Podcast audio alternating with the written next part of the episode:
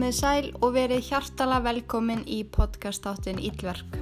Inga Kristjáns heiti ég og ég er þáttastjórnandin ykkar. Já, þið eigi mig.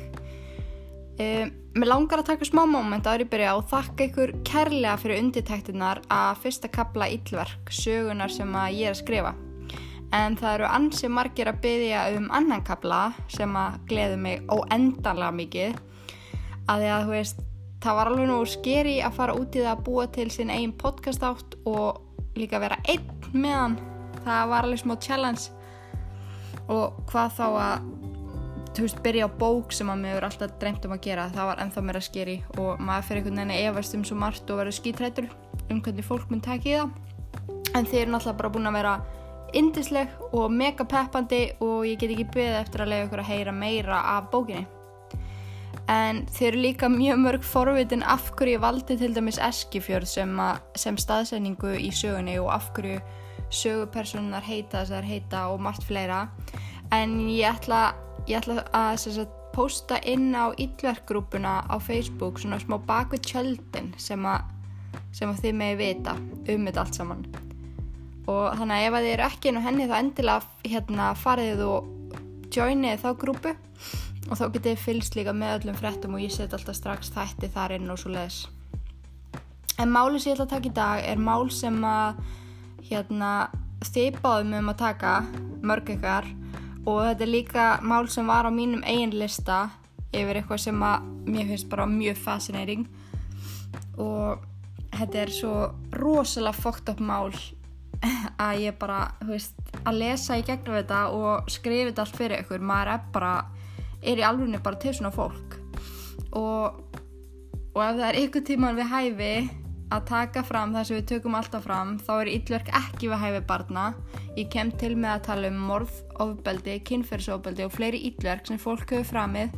Svo ef þú ert viðkamur fyrir svoleis umræð, umræðum skaldu slökka strax. En döminar herrar Fred og Rosemary West gerðu svo vel Fredrik Walter Stephen West var fættur þann 29. september 1941. Hann bjó á samt fjölskyldunum sinni í Her Herefordshire, Herefordshire á Englandi og hann bjóð þar með mömmu sinni Daisy og pappa sinum Walter og fimm sískinum. Walter og Daisy voru bændur og unnu mikið til að ná endum saman. Þegar Daisy var síðan ófrísk að Fredrik þurfti hún að bregða sér frá störfum um, og hún var svo einhvern veginn bara ólett stanslist í sex ára eftir það. Þannig að Walter misti þarna auka para höndum sem hann var vanur að hafa og þurfti að sinna búskapnum einn. Hann beigð ótrúlega spenntur eftir því að senir hans erðu nóg gamleir til þess að hjálpa til á bænum. En Fred var alltaf, já hann aðsast kallaði Fred, hann heiti Fredrik. En hann var alltaf uppáld fóröldra sinna. Hann var fyrsta badniðra og eins og snýttur út úr nösin á þeim báðum.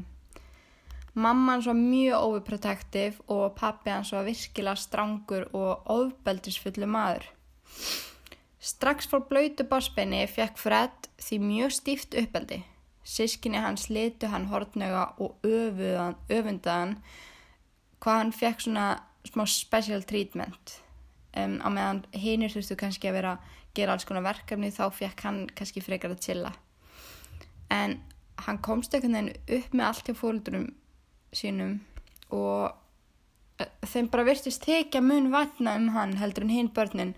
Og þetta var þannig að krakkandi bara fóru að húst sískina hans fóru að stríða honum og stundu þegar enginn sá til kölluði hann mömmustrák en Fred leta Fred Fred leta ekki á sig fá, hann brosti búið til Anna og hann í rauninu bara fíla að vera fó, hérna uppáld fóröldra sinna. Það var, það var eitthvað mega næst við það. En einn daginn þegar Fred var búinn að vera að sinna nautgreipunum á heimilinu ásend bræður sínum kalla mamma hans í hann. Og þarna var hann 12 óra gamall. Hann lappar einn til mammi sinnar eins og hann hafi svo oft gert áður. Hún stóð inn í húsinu ber að neðan með yngsta sískinni Fred í fanginu Hún sagðist alltaf að segja honum frá því hvernig lítil börn verða til. Hann væri orðin nóg gamall til að læra það.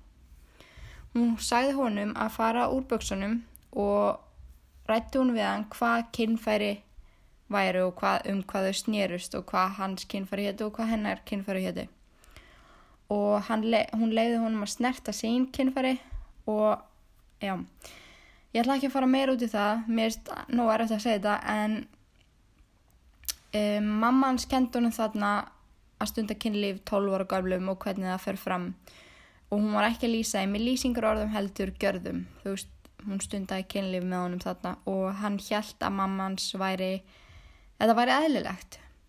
Hann misti því svindóminn með mömmu sinni þegar hann var 12 ára og svo, hann, svo fór hann að taka eftir því að pappi þeirra var að taka sýstur hans í sömu spjöll og ekki leið og löngu það til að öll verst úlingabönnin, nei úlingsbönnin voru í full on ógæsleiri mistnótkun nær daglega frá fóröldur sínum. Og þau skildi rauninni ekki hvað var í gangi þar sem að það var alltaf verið að tala um þetta bara eins og kennslustund, þú veist þau vissu bara ekki betur. Og þau náttúrulega þorði ekki að segja neitt og þau vissu hvernig pappið er að snappa þig ef að þau gerði ekki það sem þau sögðu. Svo þetta hjælt svona áfram alla þeirra badnæsku það var eitthvað við þetta sem að kveikti eldi fred. Hann fekk ekki nóg og varð kynferðislega brenglaður mjög snemma.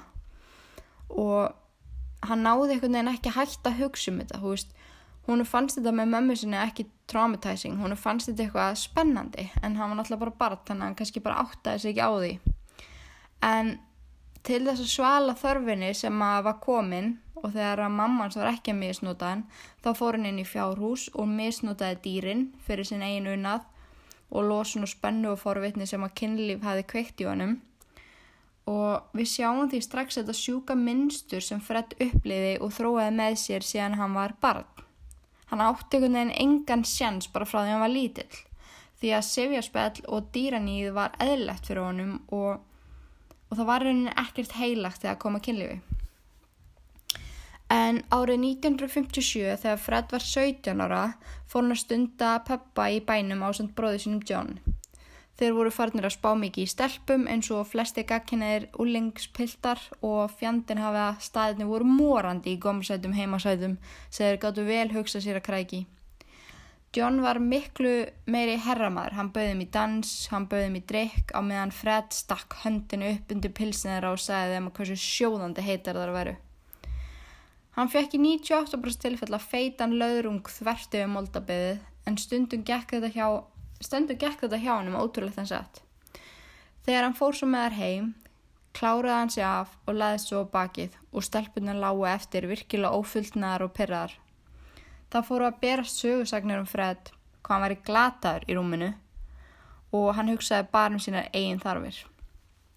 Það fór því að vera erfiðar og erfiðar að hjá Fred að finna sér gott í kroppin þar sem, uh, og ég sagði þetta bara, skrifaði ég þetta bara, já, ég gerði það, spes en já þar sem hann var komið þetta lélega bólfélag á orðspór.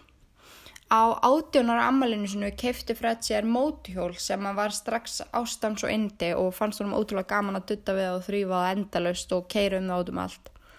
Og, en mömmu hans leist alls ekki á þetta og gráð baðan um að sleppa því að fara út að keira á þessu trilltæki. Hún geti ekki hugsa sér að vita á hennu í, í svona mikilli hættu. Hann let bónmóðu sinna renna inn um eitt og út um hitt og kerði á stað út í óvísuna. Fred misti stjórn á hjólinu í krappri beigju á fjallavegi og brotnaði högukúpan, hægri handlegur og fótur. Hann var meðvitundalauðs í sjö daga og var fjölskyttan hans í mólum úr áhugjum. Þegar hann svo loksins vaknaði þurfti hann að vera í gifsi í nokkra mánuði og í stöðu og eftirliti. Eftir þetta fekk hann alveg einstaka hatustilfinningu þegar að koma sjúkrásum. Hann var pyrrar og jáfnvel reyður þegar sjúkrásur er nefnd.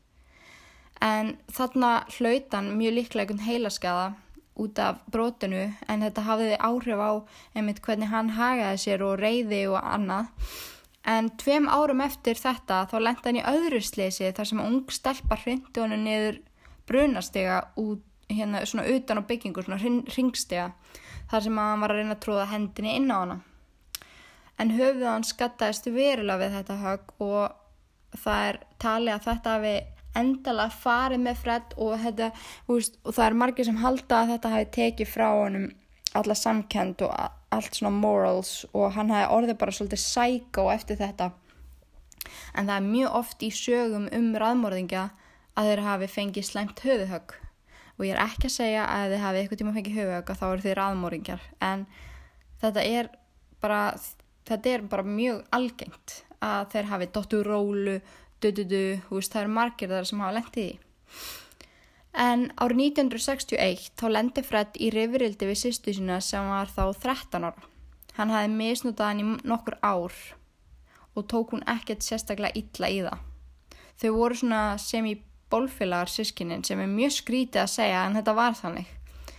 En hún sérst var að hóta að segja fóröldum þeirra frá því að hún var orðin ófrísk eftir hann. Og hún vildi, ekki, hún vildi alls ekki að held að hún væri svondi hjá út um allt. Ok, henni fannst skarra að segja fólkdra sínum að hún var að sofa hjá bróðu sínum en frekar hann að segja að hún sé slött nei, þú veist ekki eins og slött, bara hún sé að sofa hjá. Þú veist, ok. En Fred gafst upp á endanum og sagði henni að fara bara að segja frá þessu. Mamma er að vera alveg brjáluð og ringdi á lauruglan og ætlaði að sigra henni á, á Fred Sumir halda að hún hefði verið afbreyðsum að hann hefði verið að soja á þeim báðum Þegar hann var svo yfirherður viður kennir hann þetta allt og játar fúslega og spyr síðan laurugluna Doesn't everybody do it? Þar sem að sýstur hans vildi ekki testifæja mótonum má, fjall málið um sjálft sig og nokkurinn dögum síðar. Já, nei það sést fjallum sjálft sig nokkurinn dögum síðar. Mamma hans rak hann svo út og sæðist ekki geta treyst honum til að búa þarna með sískinu sínum og hann náði einhvern veginn aldrei sérstökur sambandi við fjölskyldunum sína aftur eftir hann flutti út þarna. En í september 1962 kynntist hann Fred henni 21 á skamlu uh, Catherine uh, Bernadette Costello eða Renu eins og hún var kallið. Þau fóru að deyta og verður mjög fljótt ótrúlega hrifin að hvert önnu og hann var actually bara mjög hrifin að henni. En Rena var ófrísk þegar þau kynntust eftir Pakistana sem hafi kert rútu sem hún sati í þvert yfir England, eitthvað ferð sem hún fór í. En hún hafi verið ein eftir í stoppi og hann hafi misnótað aðstöðu sína og hún var ófrisk. En Fred lofaði hann að hugsa um barni eins og sitt eigið en þegar, kom, en þegar það kom ekki kvítt barn í heiminn sögðu fólki að reyna hafi mist fóstur og það hefði verið svo mikið sjokk fyrir hana að þau ákvöðu að ætlaða strax og allir tóku þessari sögu bara gildri. Stelpan var skýrð uh, Charmaine og stuttu eftir einsás ammali hennar fluttuðu til Glasgow. Árið 1964 þá eignuðustu Anna Maria en reyna áttu svo erfitt með að hugsa um báða stelpunar að þær réðu bartfóstru sem hjálpuðu þeim heima við. Fóstran segjum frá því setna meir að reyna hafi alltaf verið ótrúlega þreytt og uppgifin og Fred hafi aldrei hjálpað neitt heima og og alveg stelpunar upp ótrúlega harkalega með, og með tímanum fór hann að sína svona óbyldisneiða hegðun á sér, nei hérna óbyldisneiða hlið á sér. Hann leiði þeim að sofa saman í neðri hæðu kói og smíða hann fyrir hérna opið á kóinu svona rimla þannig að þær komist ekki út nema bara þegar er dætt í hug. Um, en reyna egnaðist þarna vinkonu í hverfinu sem kom oft í heimsókn og tímabili bjóðun hjá hjónunum þegar komu upp ykkur erfileikar heima henni. En Fred fór með tímanum að horfa hana hýra auga og fyrir en varði voruðu farin að sofa saman á meðan reyna svaf eða þegar hún var ekki heima. En hún kom aðeins með daginn uh, við að stundakinnleif í hjónarúminu þeirra. Hún reyttist mjög mikið en hún vissi í rauninni ekki hvert hún átt að snúa sér. Hún bráð þá þá rað að halda fram hjá Fred bara til að hefna sín í stæðin fyrir að fara frá húnum til dæmis. En hún hafði þarna sambandi gamla félaga sem að hétt John McClann. Þau hafði alltaf verið svona frekar skotin í hvort öðru, voru eitthvað smá deytaði, voru úlingar og, og hún gerði í því að bjóða hann heim og stundaði kynlifu með honum í hjónurúminu svo að Fred myndi örgla sjá og heyra þegar hann kemi heim úr vinninni, sem hann gerði og hann fór askvæðandi inn í herbygjara, dróð upp nýf og hótaði öllu íllu. John stökk upp úr rúminu og byrjaði að berja Fred á fullu. Fred laðist í fóstustellingu á gólfu og gráð banum að hætta. John öskra á hann að hann væri aumingi sem geti bara ráðist á konur. Þegar hann hefði, þegar það væri ykkur jafnstór og sterkur á hann, þá erði hann að litlu peði. Hann rækti á Fred og gekk út og sagði reynu að koma með sér. Hún hristi hausinn hljóðlust. Henni fannst hún ekki geta farið. Hún þorðiði ekki. Rena og John heldu áfram að hittast. Fred þorði ekki að gera neitt í því og og byrjaði þau svona í semi bara fullon sambandi inn á heimilinu þeirra. Það pyrraði John svo innilega hvað Rena var oft blá og marin eftir Fred og hann þorði ekki að sína sitt rétt andlið þegar John var heima. John gerði í því að berja hann sundur og saman og vöðlunum bara saman á alla kanta og hann fannst hann bara algjör lúser. Var, hann var svo endilega komið nóg að ég að sjá Fred hérna, koma svona fram með hana og það sem fylgti mælinn var að sjá hann einu svona slásjar megin yturindu bara þegar hann var lítið barn og hann svo leiðis buffaði honum Nei, buffaði hann bara í spað og hendi honum öfum út og svo hann að láta aldrei sjá sig fram hann. Hendi honum út úr sínu eigin húsi. Fred settist upp í húsbylið sinn og kerði af stað bara þegjand og hljóðlaust. Hann settist stað í skógi rétt hjá bænum og eftir nokkra vikur hérna hafði, já það var enginn sem að leita á hann og hann bara kom ekki tilbaka og hann þorði ekki. Hann var bara hrættu við John. En þegar svo litil tími var liðin þá kom Rena til hans og hafði sambandi við hann og spurði hvort hún geti komið með stelpunar. En John hafði sérst farið frá henni og hún yrði að vinna til þess að halda húsinu. Hann saði já því og hún tók tvær bestu vinkunni sína með sér því að hún var ógeðslega hrættu fred. Spáði því að hún var ótrúlega hrættu fred og hún þurfti að taka með sér vinkunur uh, til að fara með dætu sínar og skilja þar eftir það er fucked up. En hann sérst náði að sannfæra konunar um að gista eina nótt með sér í, í hérna, í hvað heitir þetta þurr, húsbílum og með honum og stelpunum sem þær gerðu. En hvort það var hraðisla eða sjúk meðverkni eða bara guðum að vita þá ákváðu konunar að dvelja hjá honum í húsbílnum og eftir nokkuð tíma var hann komið fullkomna stjórna um öllum þrem og stunduði orgjur saman þar sem hann réð öllu sem fór fram. Þess á milli barði hann þær, öskráðar og skipaði þeim að stunda kynlíf með hver aðraði á hérna annari á meðan hann horfi á. Hann misnútaði líka dætu sína tvær, þá aðalað sér megin. Hann réttlitiði þannig að hún var ekki hans hold og og þessina væri þetta í lægi. En síðan fór hann að manta pening fyrir mat og fleiri í húsbyrjun þá senda hann konunar út til að selja sig og hann fekk svo allan ágóðunar. Konuna voru orðina svo þreyttar og hrættar og bara traumatized og þar þráðu ekkert meira en að losna frá honum. Hann er reyna ringdi í John og gráð baðan um að hjálpa sér að koma þeim í burtu frá honum, bæði honum og stelpunum.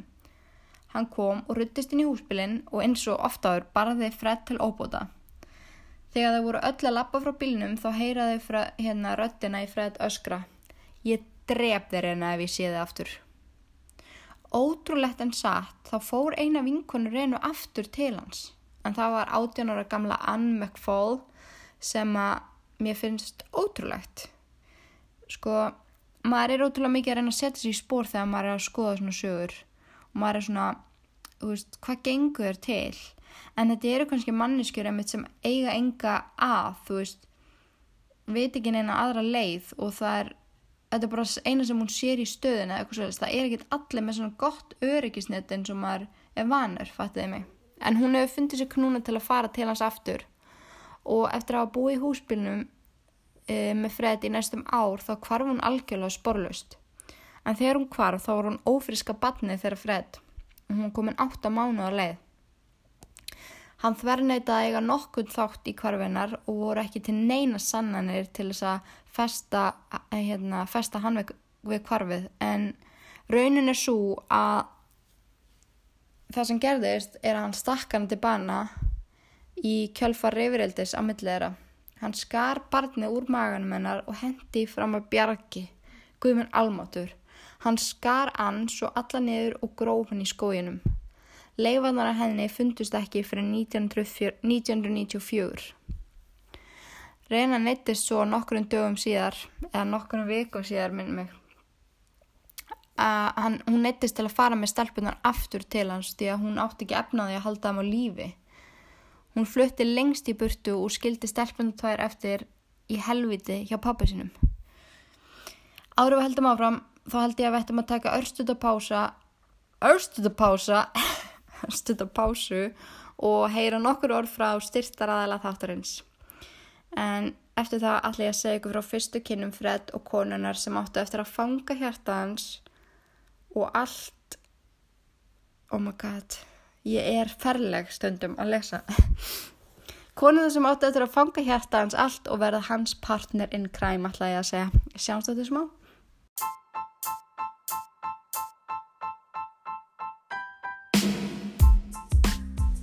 Vissir þú að rannsóknir sína að 80% hvenna ganga í vittlurössi stærð af brjóstraldra?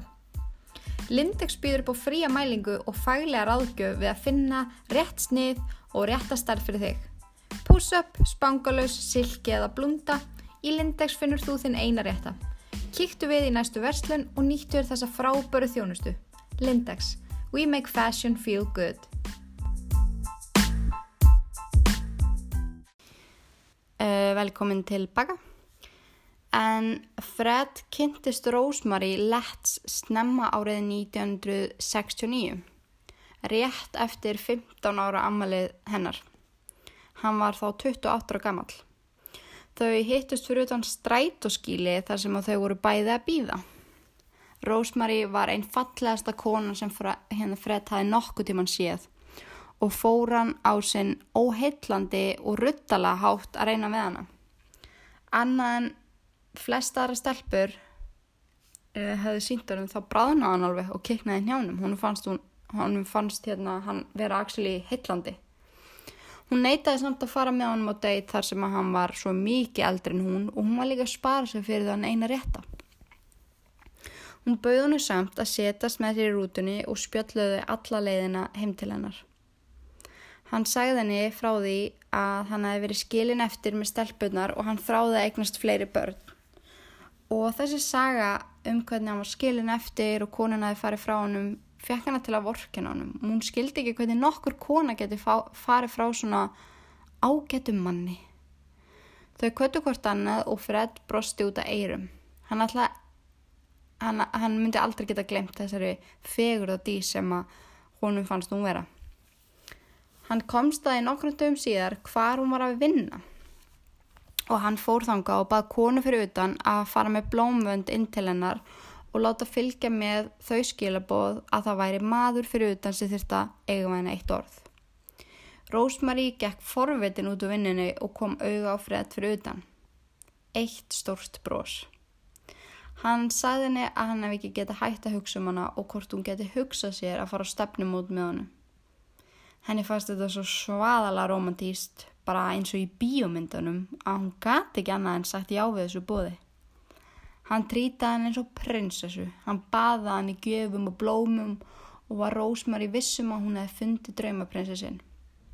Hún fór að eigða mjög miklum tíma heima á Fred og kynntist hún stelpunum hans fljótt og urðaðar mjög hændar henni.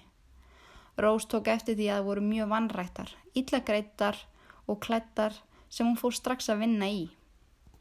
Fjölskyttan fór oft saman út að týna blóm og ganga saman um svæði sem Fred bjá á. Þau voru einhvern veginn öll ánæð akkurat þarna og Rose var búin að gera allt miklu betra. En hún heiti sérst Rosemary en hún er alltaf kallið Rose. Eða Fred kallaði allavega alltaf Rose. En nokkrum vikum eftir að þau hittust fyrst þá hætti hún í bakarínu sem hún var að vinni í og gerði Spartnapía, Charlene og Anna-Maria sem voru dætu Fred. Skilir sem hún setti var að Fred myndi borganir svo hún geti sínt fram á það að hún væri í vinnu og en þá fótt tekjur því að fórildræðarnar kröfðust þess afinni. En eftir marga mánu af þessum legavef vildi Rósmeri kynna Fred fyrir fjölskyldunum sinni. En svo heimsóns fór um, vægarsagt illa. Fóreldramennar líkaði frá fyrstu kynnum mjög illa við Fred. Mammenar sagði að hann væri ógeðslegur barnanýðingur og hún skinnjaði það að hann væri legari og allt, kæmi, allt sem kemi út á húnum væri bull. Pappi Rósmari sem hafði bakuði luktadir misnótu dóttur sína í mörg ár og enginn vissi að því, rittist mikið og sagðist alltaf hringja í lauruglu ef, ef hann heldi sér ekki frá henni. Þau bönnuðu hennar, bönnuðu hennar hittan og lokuðu hurðinni á nefið á Fred. Rós drauka heimann sama dag og fór beint til hans aftur. Hún ætlaði sér ekki að hlusta á fóröldra sína. Þau voru sköpu fyrir hvort annað og enginn var að fara að ruggli því. Nokkur dögum síðar náðu fóröldra hennar í nakkadrampið á henni og komið henni, heim, nei, komið henni fyrir á fósturheimili fyrir vandræðólinga. Henni var leift að heimsækja fólkdra sínum helgar en var hún fljóta snúa á þau og fara og heimsækja Fred. Um leið og hún var búið með tíma sinn á fósturheimilinu krafðist hún þess að fá að búa með honum. Fóreldranna voru svo orðin svo þreyttir á þessu og ráðlausur og vissi ekki hvað það átt að gera í þessu. Þannig að pappinar ákvað að reyna einu sinni enn, ringdi í laurugluna til að fá aðstöð með þetta allt saman og eftir heimsókn á lauruglustöðuna og skoðinu á hjúgrunarkonu var komið staði að Rós veri ófrisk sem hún hafði ekki hugmynd um. Hún var sett aftur á fósturheimilið á meðan fórildræna lögði á ráðin. Þau voru bara, bara hvað eigum við að gera. Hún hlustaði ekki á orðsöðu sögðu og ekkert og það er einhvern veginn ekkert hægt að gera. Hún fekk leiði til að fara af heimilinu til að fara í fósturheimgu. Hún hins vegar lög því og fóð beinustileg til Fred þrátt fyrir að hafa verið vöru við óendanlega oft. Síðasti drópin hafi fyllt mæli fóröldrennar og bönnuði henni að stíga fætu afturinn á heimilið og væri hún núna algjörlega á eigin fótum. Rós virtist taka þessu fagnandi. Hún fekk loksins að vera í friði með Fred en innstinni var lítil stelpa sem vildi ekkert meira en öryggi fóröldra sinna. Hún var ekki tilbúin að vera móður eða stjúpmóður. Hún bældi þessa rödd niður og hjælt áfram. En þann 17. oktober 1970 eignast Rose sitt fyrsta barn og Fred sitt þriðja. En það var lítil stúlka sem að þau skýrðu Heather Ann. Það kom svo í ljós setna meir að það var stór möguleiki á því að Heather, Heather væri ekki dóttir Fred heldur pappa Rose. Það sem tímasetning getnaðar gekk ekki alveg upp. Það var aldrei rætta mikið meira þótt Rose hafi alltaf haft að baku eirað og þróa hún með sér mikla anstegð á barninu. Hún sá um stelpina þrjár dögum og stundum mánuðum saman þar sem Fred satt í fangilsi fyrir alls konar litla og heimskulega glæpi. Mm, andlega hlið Rós var alltaf verri og verri og let hún að bytna á stelpunum. Hún þóldi ekki þegar grænjuðu eða letu ítla og höfðu hátt og líka, og líka er Rós alltaf verri og verri við Charlene þar sem hún svaraði alltaf fyrir sig. Hún sagði hluti á við alveru mamma okkar myndi ekki öskur svona á okkur eða það má ekki raskjall okkur. Rós þóldi ekki þetta og segir nágranni hjónana, hjónana frá því í setni tíð að hún hafi einu sinni gengið fram í húsinu þar sem Charmaine stóð upp á borði nakin með hendur bundna fyrir aftan bak og Rós stóði hliðin á henni og barði henni með trésleif. Rós hafði alltaf verið svo góð við stelpunar en hún var gengin á vitinu. Viðustyggilegt viðhór freð til lífsins og annara mannvera hafi smitast yfir í unga heila starfsemi hennar og með hverjum deginum sem leið var hún meira og meira skrimsli. 15. júni 1971 tók Rós stelpina þrjá með sér að heimsækja freð til fangelsið. Það sást til þeirra að keira í burtu frá heimili sínu en eftir þennan dag sást Charlene aldrei aftur. Vinnur hennar í göttinu kom hvað eftir annað að spyrja eftir henni og rósaði alltaf ámari farin aftur til reynu mömmu sinnar. Anne-Marie skildi ekki að okkur mammina tók hann ekki líka og laðist hún í mjög djúft þunglindi. Hún spurði pappa sinn eitt daginn eftir að hann losna og fangið sig af hverju hún hafi um, ekki mátt koma með henni. Svar, hann svaraði henni, hún vildi þig ekki, húðin er ekki rétt um lit, en fyrir þá sem mun ekki þá var hún hálf, hálfur Pakistani. Rose um, du, du, du, wow ég elska að fá svona brainfart þegar ég er búin að taka upp gett lengi. En já. En hún sem sagt Rose uh, fekk þarna einn daginn mikið bræðiskast og draf sér megin og faldi líki innir í kellara og hún sagði aldrei frá því hvernig hún myrt hana en það sem vitað er að Fred hjálpaði henni að losa sig við líkið þegar hann losna á fangtilsi en líki var grafið í bakarði heimilisins, heimilisins. en það er haldið að hún hafi einmitt verið eitthvað að töða um mömmu sína Renu sem að sem að fóra hana frá þeim og skilda hana eftir og hún bara komst ekki yfir það. Og Rósa hefði bara orðið brjáluð af því að henni fannst hún svo óþakklátt og eitthvað svo leiðis en sýsturinn að trúði því hún var í farin í burtu og væri að lifa betra lífi eitthvað staðar annar staðar. Þar hafði ekki hugmyndum að hún væri svona nálátt þeim af því að þetta er bara það sem var sagt við þau og þú trú vissi ekki betur. En Rena var þarna komin á mikið betri stað í lífinu og sá fram á að geta veitt stelpunum þar sem það sem það er þurftu í lífinu. Hún hefði sambandi fred og fóð fram á samilegt forraði. Vinir henn að segja setna mér að þrátt fyrir að peningar og annað væri komið í mun betra stand var hún alltaf svo ótrúlega stressuð og hrætt um bönni sín og hún þráði ekkert meira en að sjá þær og fá að hugsa um þær aftur. Henni fannst bara, þú veist, hún gæti aldrei fyrirgifið þess að sér það að þurfa að láta Fred hérna hugsa um þær. En reyna ákvaða að fara og hitta Fred face to face og hitta á líka nýju kæristuna hann sem að hafi verið umgangar stelpinu svona mikið. En reyna sást aldrei aftur eftir þessa heimsókn. Fred hafi setið í Ford pick-upnum sínum þegar reyna rendi í hlað. Hún settist í bílinn hans og hann strax læsir hurðunum Hann keiri með hann á afskiptan stað og nöðgar henni. Hann kirkir hana svo til dauða. Líkið var algjörlega hakkað í spað en hann notaði vélsög til að búta það í sundur. Hann gróða síðan nála Sjarlín og ef maður á að líta á ykkur af bjartarliðar eða jákvæðarliðar þá eru maðurgunnar allavega saman. Þannig að hann bara kálaði henni af því að hún var eitthvað að fara að vesanast í þeirra málum En 29. janúar 1972 gengur Fred Rósmari heilagt hjónaband. Það var nú ekki kallað í stóra veistlu þar sem að það hefði líklega enginn mætt. Þau fóru því bara upp á síslu skrifstofu og letu afgræða þetta þar. Rós var þarna ófrísk af öðru barniðra hjóna og eftir brúðkaup fóru þau fullt að reyna að kaupa sér hús. Þau fundi sér fínt hús á góðverði, Midland Road, 25 Cromwell Street. Þau keiftu húsið á 7000 pund sem er cirka 1 miljón íslenskar króna. Ég veit ekki hvað það var samt þá en það er þannig í dag. Og þetta var bara stórt og rúmgótt hús á þrem hæðum með kellara og þegar þú horfir á það utan þá fannst þið magnað að kaupa það svona ódýrt. En málu var þannig að það voru svona vegglís og mikla í húsinu. Fred sagðist alltaf laga það allt saman og fekk því að kaupa það af bankanum á góðum díl. Setna bann þeirra hjóna kom svo í heiminn 1. júni og var skýrð May-June.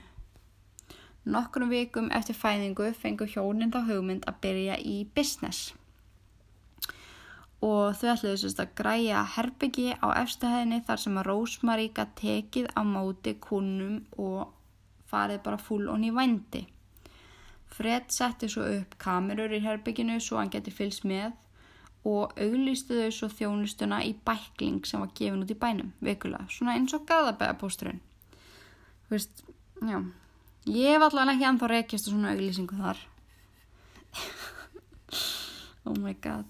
En kúnahópi Rósmarí var mjög fjölbreyttur og setti hún það ekki fyrir sig hvort það var kona eða kall minnstri sem þróast með þessum business var það að við mennina stunda hann mjög svona casual og eðlilegt kynlíf ef að svo má kalla.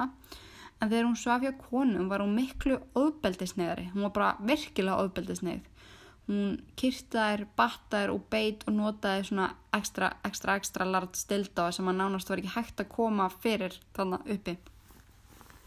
Ef að konuna síndu ykkur skona hræðslu eða mótstöðu þá sagði Rósmæri ert ekki nógu mikið kona til að höndla þetta En hún vissi að Fred væri að horfa og hún vissi að hann hefði kannski freka gaman að þessu svo hún gekk mun lengra með konum.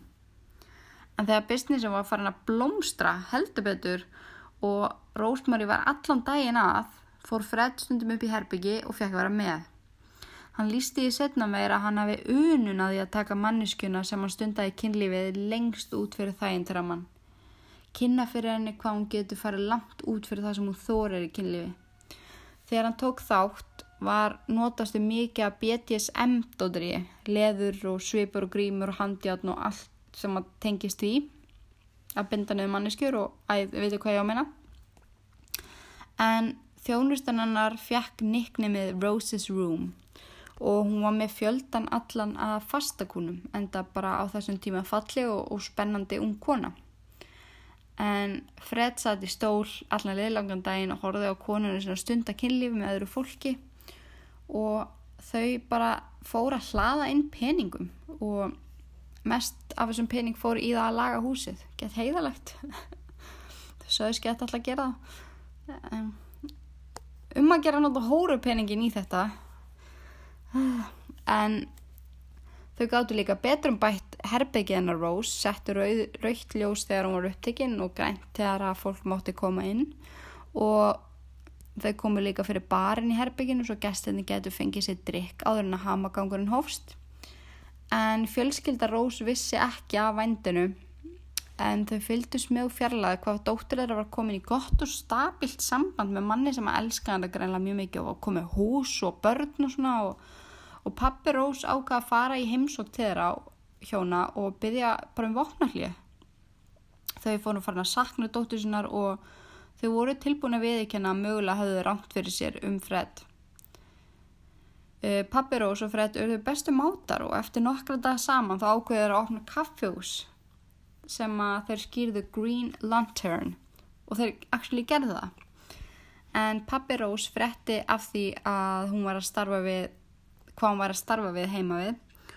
Og hún þóttist vera sama veist, hann var bara eitthvað svona já ok, það er bara ekki mitt mál. En þegar hann bauð Fred góða nótt eitt kvöldi fór hann beint upp í Rose's room. Og eftir það kvöld var hann fasta kunni á dóttur sinni. Árið 1983 var Rose búin að eiga áttabörn og þrjú að þeim voru feðruð á kunnum þar sem hún notaði aldrei verjur og var mögulega eitt að þeim feðrað að, af hennar eigin pappa.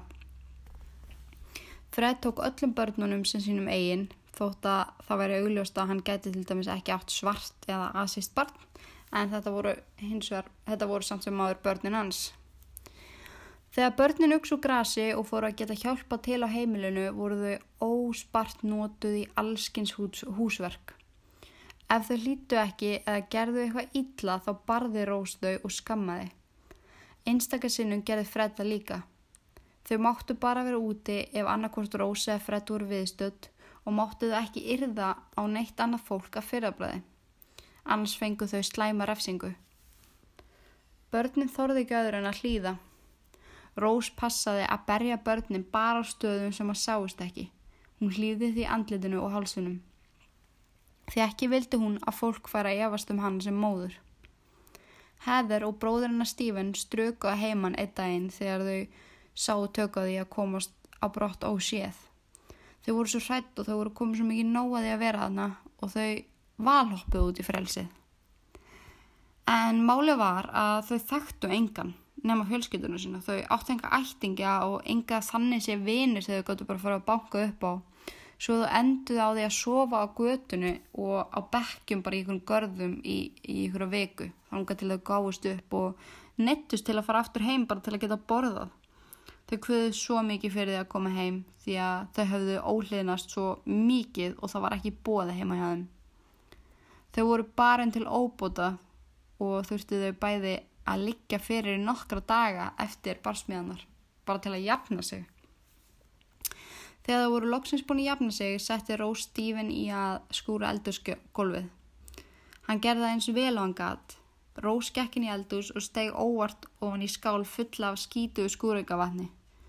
Hún hrind honum á gólfu og öskraði, gerðu þetta viljandi svínið þitt. Hún sparkaði í höfuð á honum og í magan á honum og sáði hann svo að halda áfram. Reyðikost Rós urðu fleiri og fleiri og hættulegri og hættulegri og fór hún að hóta börnunum sínum og Fred með nýfi hvert sinn sem hún reyndist. Fred og börnin voru öll með útskornar bringur eftir nýf sem hún hótaði þeim með. Lífið á heimilegra var helviti á jörðu. Í september 1972 breyttist líf hinnar 8 ára gamlu Anna-Maria Eilifu. Fred og Rose leittu hana í kjallara og bundi hana fasta við gamla dínu. Refi hann úr fötunum og síðan nöðgæði Fred henni og Rose garg á hana þeia þegar hún var að reyna öskar hjálp. Hún saði við dóttu sína, everybody does it to every, every girl, it's a father's job. Greinlega illa brengluð eftir maður alla meistnótgununa sem hún hefði sjálf upplefa allt sitt líf. Anna-Marie þorði ekki öðru en að láta undan þar sem hún vissi hvað byði hennar ef hún gerði það ekki. Þau gerði henni fyllilega grein fyrir því að þetta væri ekki í fyrsta skipti sem þetta myndi gerast og hún yrði að vera tilbúin þegar þau sögðu henn að koma næst. Eftir þetta misnötuðu þau henn oft, oft í viku. Rós gerði það stundum einn og niðurlæði henn með því að láta henn að fara í kynþokkafull nærfut og kjóla og þrýfa húsi þannig. Hún var átt ára sko. Oh my god sko. En svona held þetta áfram þar til að hún var 13 ára gömul. Þá var loksins hægt að koma í, inn í businessin hjá fólkdurum meira. Hún var þingu til að sofi á kunnum rós og ljúaði og hún væri 16 ára. Mammana var alltaf viðstöð þegar gamli kallar stunduði kynlið með dóttirinnar, bara til að passa upp á hún segði ekki sin rétta aldur.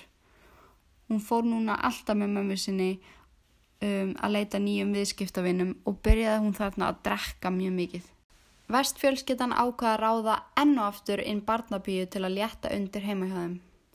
Fred vissi um eina sem vantaði vinnu en hún hétt Caroline Owens. Hún þáði starfið og flutti inn til fjölskytunar.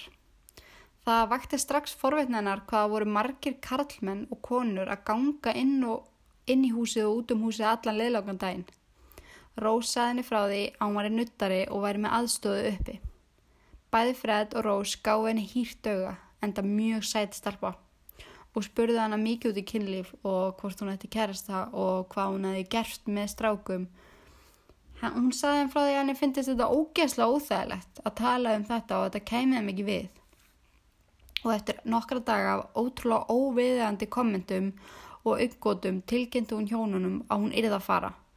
Hún fór upp í herbyggi sitt og pakkaði saman öllu sínu og hjæltast að fótgangandi. Fred og Rose vissu hvað þau þurfti að gera í þessu. Þau vissi líka að Caroline vann mikið með það að puttalingast út um allt þannig að hún þurfti, e, já þannig sem hún þurfti að fara. Þau kerðu í smá stund þar sem þau sáu hana gangandi með töskunni sína hinum yfir göduna. Þau kerðu að henni og baðast afsökunar. Þau höfðu ekki alltaf að fæla henni burtu og hvort þau gæti ekki skuttlað henni heim og gert henni greiða með því. Caroline mildist allir upp við þetta og fannst þetta mjög almennilega gert aðeim og kannski að hún veri ofljóta á sér að dæma þau. Kannski var þetta bara fínasta fólk.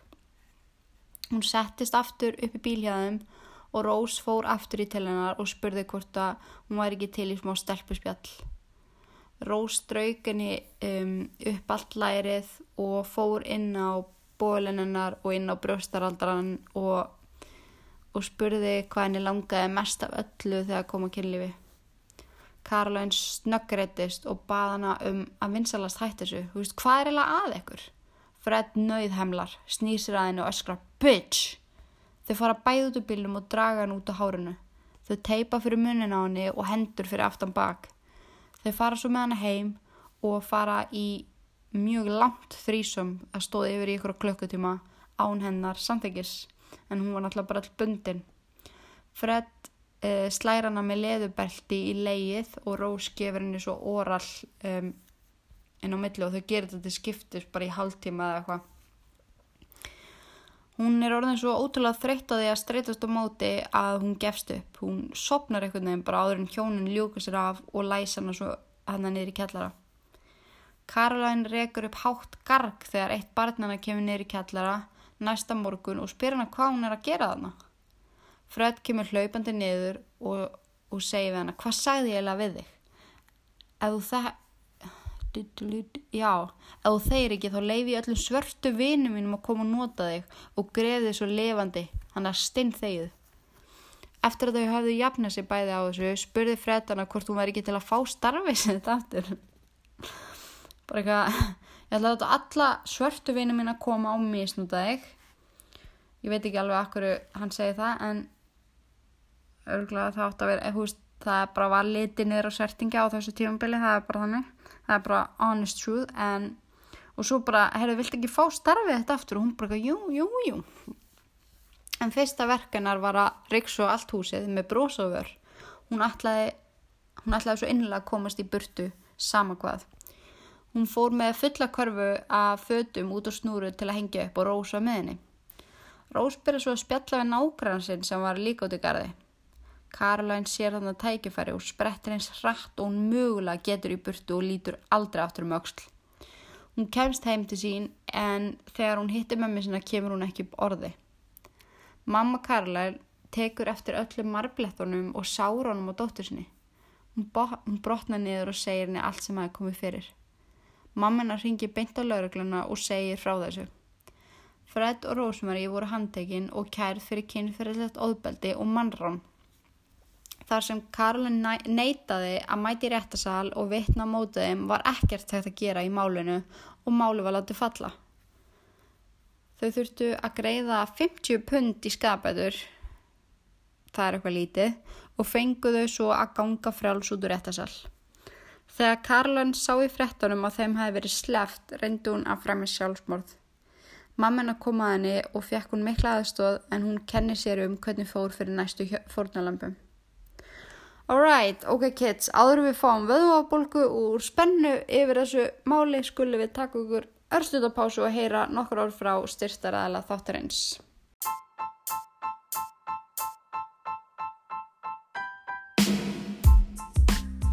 Vissið þú að með kóðanum Inga Kristjáns fær þú 15% afslátt af öllu inn á línbóti.is? Þú getur líka kíkt í heimsókn í nýja glæsela veslun þeirra að síðumúla átta og fengi góða og fælega aðstóð og ráðleggingar um hvað þið vantar og fengi svo líka 15% afslátt við kassan með konum Inga Kristjáns. Ég, hver er þessi Inga Kristjáns eiginlega? Hágeðavörur og hámars árangur og við elskum það. Línbóti.is, þín markmið, þín grein. Velkomin til Baga en í staðin fyrir að stoppa þarna og mögulega komast upp með allan hana viðbjóð sem að þau höfðu gerst þá fóru þau á fullt í svona killing spree eins og þetta kallast um, þegar raðmörðingjar fara á sorry Ragní þegar raðmörðingjar fara á fullt í að drepa fólk. En þau unnu mjög mikið með að ráðin barnapýr og láta þær síðan hverfa eins og til dæmis Linda Goch sem kom að vinna hjá þeim uh, þau misnötuð hana kynferðislega í nokkra klukkutíma áður en þau kæfðu hana og komuð henni undir gólfið í kjallaranum á samt hinnum fórnalambunum. Þegar móðurinn ringdi og spurði um hana sögðu hjá henni að hún var lungu farin en hún hefði sérst bara eitt barni, hún hafi þurft að fara og þau vissu ekkert hvað hún væri. En á einu ári myrtuðu fimm stelpur allar á aldrinu 15 til 17 ára. Misnótuðu þær pyntu þær og kæfðu þær og komuð þeim svo fyrir undir gólfin í kjallarannum. En árið 1978 var Rós, Rós ófrísk af nýjunda barninu sínu. Meðgangan var svo erfiðast á að hafi hún enga kynnkvöld og lítið sem engan áhuga á öllum þessum pyntingum og viðbjöðu sem þau hjónin hafðu verið í, á fullu öllu þessi ár. Fred fór því að leita annað. Hann gati ekki verið sviftur þessu, hann var að fá sitt. Hann hitti þá 17 ára gamla starpu síðan Joanita. Hún var komin 8 mánuð á leið og átti engan samastöð. Fred bauðin að koma og búa með þeim og það eina sem hann vildi í staðin var í kynlif. Sem að hún þáði. Hann tjáði, tjáði rás frá tjáðir, hann tjáði rós frá frettunum sem var stúd fulla hormónum og varð hún mega öfinsjúk þegar hann sá hana og Fred lokaði sér inn í herbyggi. Rós kræðist þess að þau myndi losa sig við hana. Þau skáru barni úr henni á meðan hún var vakandi með enga deyfingu og kæfðu það fyrir framann hana. Þau kæf, kæfðu hana svo líka og það var svo lítið lífsfili eftir að eftir, eftir hún hefði hort upp á þetta og tók enga stund fyrir henn að bara líða út á að deyja. Henni var svo komið fyrir ásand hinnum undir gólfin í kjallaranum. Þetta, veist, og við erum að tala um það að þau sér sagt settu öll þessi lík undir gólfið sem er inn í eldúsi þannig að þegar þau voru inn í eldúsi staðurinn sem að maður er yfirleitt mest á í húsinu sinu þá voru þau bara lappa ofan á líkamum af fullta konum. Veist, spóðið í þessu. En Heather elsta dóttið þeirra hjóna og May West urðu fókus Fred og Rose eftir þetta. Það er gáttu sint heimilisverkum, það voru orðnar nógu þroskaðar til að taka þátt í kynferðislegum aðtöfnum að fóröldra þeirra mati og þær voru bara odnar í rauninu fullunar þótt að það væri bara 13-14 ára. Þær voru barðar sundur og saman og látin passa öll sískinni sín og þær örðu svo ófrískar á sama tíma. Mei var einn daginn að þrýfa eldúsið og að sög Rós var hann ekki að gera það nú vel. Rós trilltist og sparkaði svo fast í hann á í magan á henni á mistifóstrið og neytaði henni svo um læknistjónustu.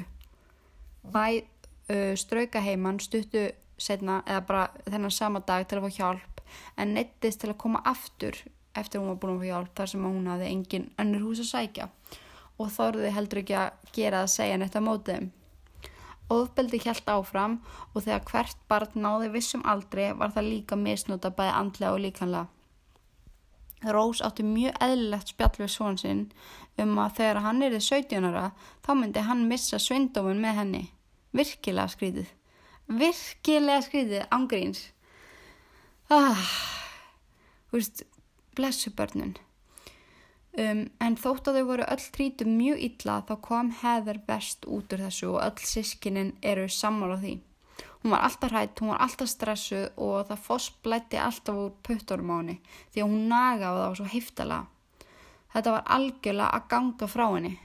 Hún neytaði að taka þátt í, í öllu í skólanum sem fólk stýði að fara í styrtu eða skiptum född en þeir sem önnu í skólanum voru konið mjög mikla ágjur af henni. Hún var útrúlega skítu alltaf og illa til fara og eftir einn íþróttatíman að því að henni fannst útrúlega gaman í íþróttum og svitnaði og var að leika sér þá var sérst tvingað hana til að fara í styrtu. Hún greiðt og greiðt og gráð bað kennarinn um að leifa sér að sleppa. Hún þurfti ekki meira en að fara úr peysinu fyrir starfsfólki að sjá að það var eitthvað mikið að. Hún var þakin örum og marblettum og barni var algjörlega traumatæst fyrir því yfir því að þurfa að fara í styrtu. Hún fór strax að, strax að afsaka sig og sagðist að það hefði verið í slag við sískinni sín sem hafi enda illa. Þegar starfsfólk skólans fór að skoða þetta betur komist það að því að þetta væri Dr. Rose sem hjælt úti Rose's Room. Einhvern veginn frettist þetta um allan skólan og hefður fór að verða fyrir mjög miklu brútal einaldi þar sem að bekkjafélagar hennar kölluð hana hórunga, lömdu hana og hrindu henni. Ástandi var orðið svo slæmt að Fred þurfti að hérna, fylgjenni til og frá skóla alveg upp á dyrum. Og þetta vestnaði bara og árið 1986 þá hætti heður í skóla. Hún fór þarna að leita sér strax að vinnu svo hún geti átt ekkert sens á því að komast í burtu. Hún sótt um ræstingavinnu á hóteli þar sem að svepplás og matur var innifalinn. Hún var svo spennt að fá loksins nýjan séns í lífinu. Hún fekk svo svar nokkru dögum síðar að hún hafi ekki fengið starfið. Þetta braut heður algjörlega liður og gretur allan daginn og allan óttuna. Hún misti eina sénsið sinn. Dægin eftir þegar sískin hennar fór í skólan var hún orðin aðeins róleri en samt farin að haga sér eins og hún hafði alltaf gert, naga puttana og óhamingjan skein úr augunum áni. Þegar að þau kom svo aftur heim úr skólanum var heður hvergi sjánleg. Fórildrar þeirra tilkynntu þeim það að hún hafi fengið símtal um að hún gæti fengið stöðuna og hún sé farin að sinna nýju vinnunni. Sískinni hennar þá aðalega þessi eldstu sem að hafðu voru komið bara með meira vit fannst mjög skrítið að hún hafi ekki haft samband þegar þau ringdi á hótelið. Já og þegar þau ringdi á hótelið kannast engi við neitt. Rósaði þeim að hún væri komin í samband með konu og hún væri öruglega upptekin af því. Eftir nokkra daga suð um að ringja lauruglan og fá hana til að aðtóa hvort það sé í lægi með heður þá breytti Fred sögunni og sagði að það væri ekki gáðilegt að ringja lauruglana þar sem heður var í svo mikil skuld að hún getur þurft að setja inni fyrir það. Mánuður liðu og engar fréttir að hefa þeir. Þegar börnin hugauðu sér ekki eins og þau vildu hótaði fyrir þetta grafaði undir húsinu með heður og fór svo að hlæja eins og þetta væri eitthvað ógustlega fyndið. Þeim fannst þetta ótrúlega skrítið komment en heldur bara að þetta væri undalegi húmór föðura. En svo að við fáum að vita hvað kom fyrir heður þá ætlum ég að lesa, ég ætlum að beða tölvuna að lesa upp fyrir, upp fyrir eitthvað bref sem að Fred skrifaði um hvað kom fyrir heður. Þannig að gera svo vel. I mean Heather. I mean I thought the bloody world of Heather. So anyway, I got to grips with it after a while, and the first thing that came into my mind was I'm gonna have to take this and sort it out, which I did. All the messes Rose got herself into, I took the fucking rap for them and helped them out. So anyway, I said, you'll have to tell me exactly what happened. She said that Heather was cut up.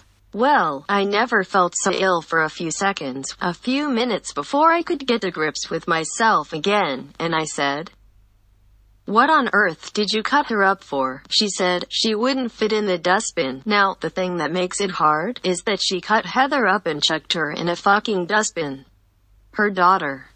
In a dustbin. Árið 1992 bað Fred eina af dæturinum, Louise, að sækja fyrir sér vatn og koma með til hans sem hún gerði. Rós var út í búð og sískininn sátu öllin í setustofu og heyrðu allt í hennu hátt öskur. No, don't! Nokkru mínútu setna kom Fred neður eins og ekkert hafi ískorist. Um leiðu hann hverfur úr auksín, hlaupa sískininn í herbyggi til að tjekka á sýstu sinni. Hún lá í fóstustellingu á rúmunu og skalv og titraði og var með ekka. Pappanar hafi nöðgað henni í alla þá staði sem hægt er að nauðga mannesku. Hann reyndi svo líka kirkjana þar til hún öskraði. Þá barði hann hana og fór svo út og skildi hann eina eftir. Þegar Rós kom heim fór Lúis til hennar og sagði henni hvaði gest. Svari sem hún fjakk var Oh well, you were asking for it. Henni var nauðga fjóru sinum í viðbót og í eitt skipti blættu svo mikið að mamma hennar þurfti að fara með hann inn og baða og hjálpa henn að þrýfa sig. Louise þráði að fá hjálp og eftir nokkra vikur náði hún að sapna nægilega miklum kjark til þess að segja vinkunum sinni í skólanum hvaði gæst. Vinkunan sagði svo mömmu sinni þegar hún kom heim úr skólanum og, og mamma hennar hafði strax samband við yfirvöld. Laurigla mætti strax á staðinn og erði uh, og gerði ítarlega leit á heimilinu þar sem að fannst gríðalegt magna af klámvídjóum dildóum og óendilega mikið af BDSM-dóti og þetta lág bara hér og þar. Og það er bæðið að hægt að sjá myndir þessu, ég held að þetta sé á einhverju sefni eða eitthvað svo leiðis. En Louise saði frá öllu sem að hafi gerst og hvað pappinar hafi, um, já hvað pappinar sagði alltaf við hana ef hún gerði ekki það sem hann var sagt að hún erði grafin undir húsinu svo heðar og hvað hann hefði sagt þetta marga oft og eftir að öll börnin hefur verið sett í gegnum skoðun og svo leiðis hjá læknum og þannig þá sáist greinileg merkjum mjög mikla líkamlega, uh, líkamlega áverka og náttúrulega útrúlega mikið andlegt líka. En börnunum var þarna öllum komið fyrir í fóstri. Þessu var tekið mjög alvarlega með heðver og voru yfirvöld staðræðan í því að koma staði hvað varð af henni. Þau fóru að þrýsta virkilega á fjölskyldunum svör og Fred Rose könnuðist ekki við neitt. Þau voru ekki látin í friði og börnin heldu áfram að opna sig meira og meira um hvað það gerst. Eitt daginn þegar Fred var leiðin í vinnuna sagði hann við sonn sinn Stephen. Ok, ég gerði hræðilegan hlut, þú verður að passa með miðina og seldu húsið. Ég skal sjá um rest, svo kvarf hann á brott. Laurglann kom til hans í vinnuna og hann viðkendi að hann hafi drepi heður dóttu sína og hann var handekinn á staðnum. Þegar Rós fréttaði hvað hann hafi gert var hún foks íllút í hann. Hún yrti ekki á hann í tvær vikur, svaraði ekki brefum, svaraði ekki símtölum og þessi meðferð fór svo illa með Fred að hann var alveg meðu sín. Þegar þau síðan hittust í réttasal þegar dómu Fred var hveðin, uh, eh, leit hún ekki eins og á hann. Hann reyndi hann á aukssambandi og tegja sig með höndina til hennar en hún leti eins og hún sæði hann ekki. Hann var svo alvarlega þunglindur að hann hætti að borða. Hann satt bara í klefanu sínum og sagði ekki orð. Hann reyndi einu sinni enn að senda Rósmöri bref og segja henni hversu mikið hann elska hana, en það kom ekkert svar. Hann fór úr því að vera ótrúlega leiður í að vera reyður. Hún hefði svikið hann, svikið lofarinn sem að þau gáðu hvort öðru þegar þau giftið sig. Heh, ef hún ætlaði að fara svona með hann, ætlaði hann ekki hilma meira yfir henni. Hann segði lauruglu frá því að Rósmæri ætti alveg að mikið hluti í þessu öllu saman eins og hann og hann hafi bara verið að reyna að leifa hann að sleppa. Hún væri verri en hann ef eitthvað er. Rós var handekinn og áður en dómur ákveðin fyrir hanna þá hengdi Fred sig í klefanin sinum. uh, árið 1994 og hann skildi eftir sjálfsvíksbref sem að ég ætla að beða telvuna líka um að lesa upp fyrir ykkur. To Rose West, Steve and May. Well, Rose, it's your birthday on the 29th of November 1994 and you will be 41 and still beautiful and still lovely and I love you. We will always be in love. The most wonderful thing in my life was when I met you. Our love is special to us. So, love, keep your promises to me. You know what they are. Where we are put together forever and ever is up to you. We loved Heather, both of us. I would love Charmaine to be with Heather and Rena. You will always be Mrs. West, all over the world. That is important to me and to you. I haven't got you a present. But all I have is my life. I will give it to you, my darling. When you are ready, come to me. I will be waiting for you. Rose var síðan dæmt til lífstegar í fangilsi og dúsar hún þar enn og mun líklegast, hún mun aldrei koma út, hún mun degja þarna vonandi bara hægum döðdaga. Börnin gera sitt besta í að lifa eðluru lífi en það voru góðar fjölskyldur sem tóku við þeim eftir að þau voru tekin frá fjölskyldun, nei frá, frá hérna Fred og Rose. Þau hafa öll saminast í dag og farið ótalmörg viðtöl og delti með fólki hvernig var að alast upp í helviti. En mér langar sérst að leiði ykkur að heyra viðtal við Ann sem er næstelsta dóttið þeirra en það er alveg 6 mínútur þetta viðtal en mér finnst það mjög mikilvægt og þetta gefur maður náttúrulega mikilvægt einsýn en þið skipti, skipi bara ef það er nennið ekki veist. en mér finnst svo magnað það sem hún er að segja en bara veist, hún er það er ótrúlega konu tilbúin að fyrirgefa og gleima öllu sem þau höfðu gert. Þetta er magnað viðtal. En já, ef það vilja hlusta það þá kemur það hér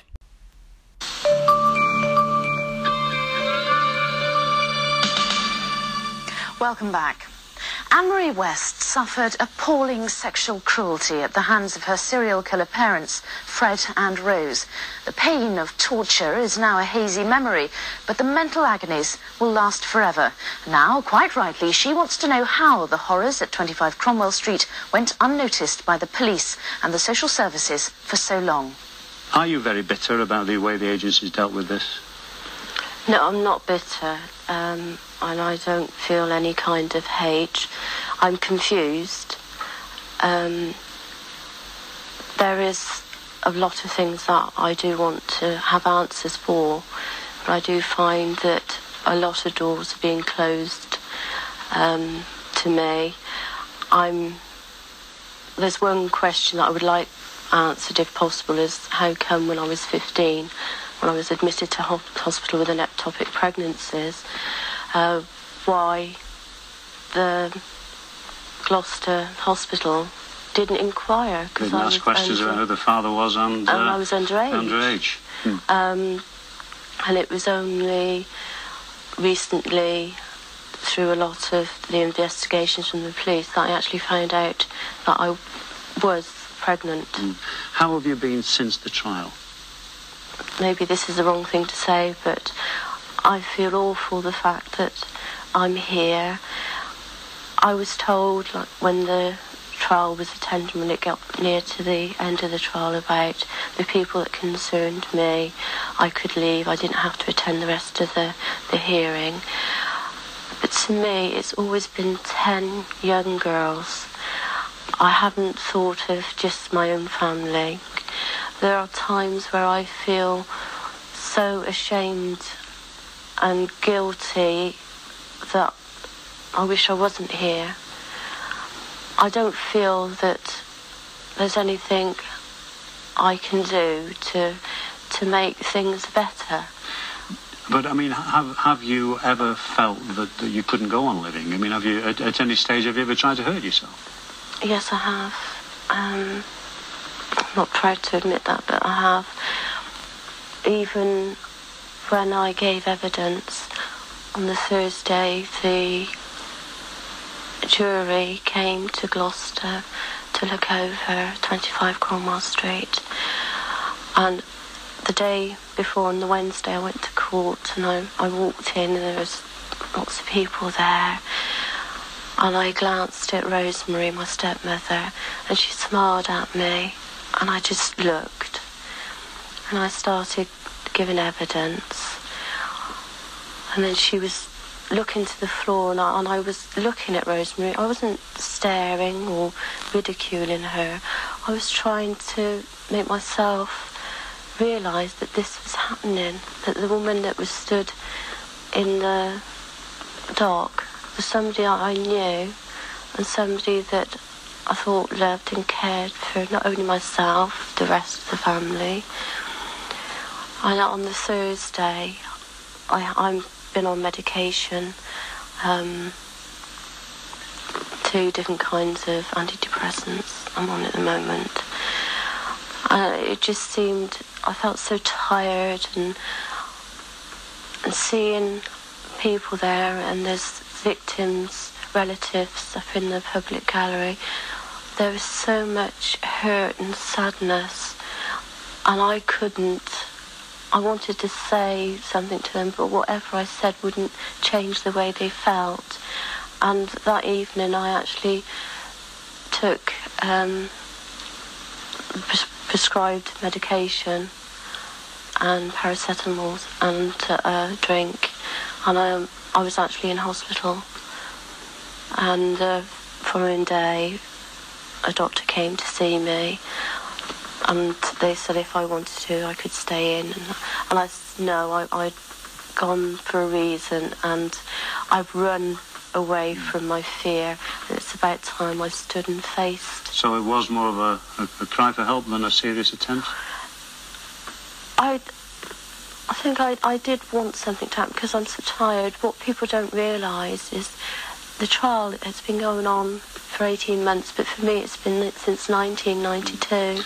And of course, which brings us really to the possibility of an appeal. Your stepmother has indicated she may appeal. Are you worried about all the old wounds being reopened?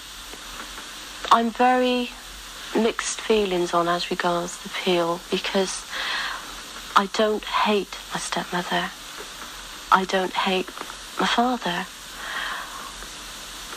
Um, it saddens me because I know, I'm aware that jail can be very hard and it concerns me that there's been a, enough lives lost and I've heard people say that maybe Rosemary West do everybody a favour and kill herself.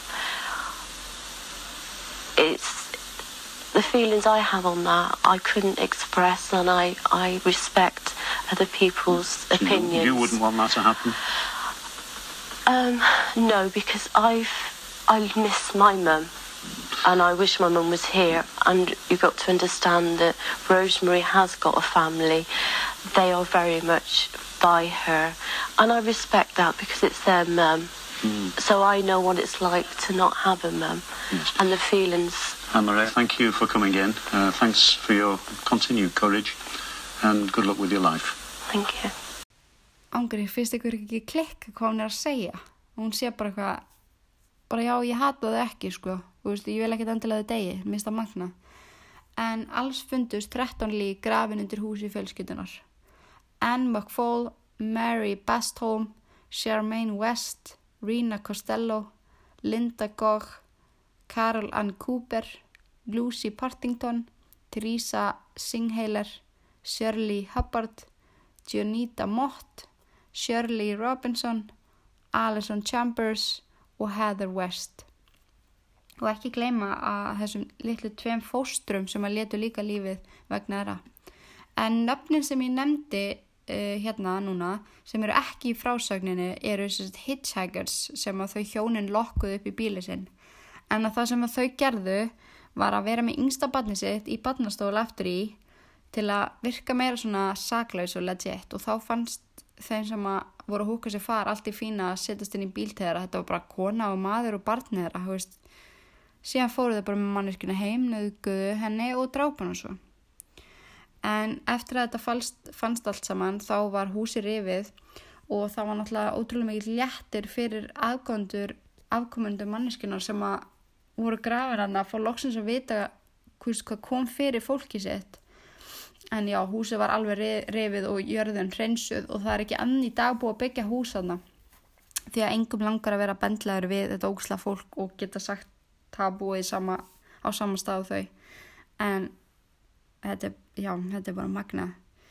En þetta var saga þeirra Fred og Rosemary West og þau eru bara fokkin ógeðslega maður þarf ekki að segja neitt meira um það en áður í hvið ykkur þá ætlaði ég að láta ykkur vita því að eh, ég er sagt fæ frí frá yllverk núna næsta mánudag.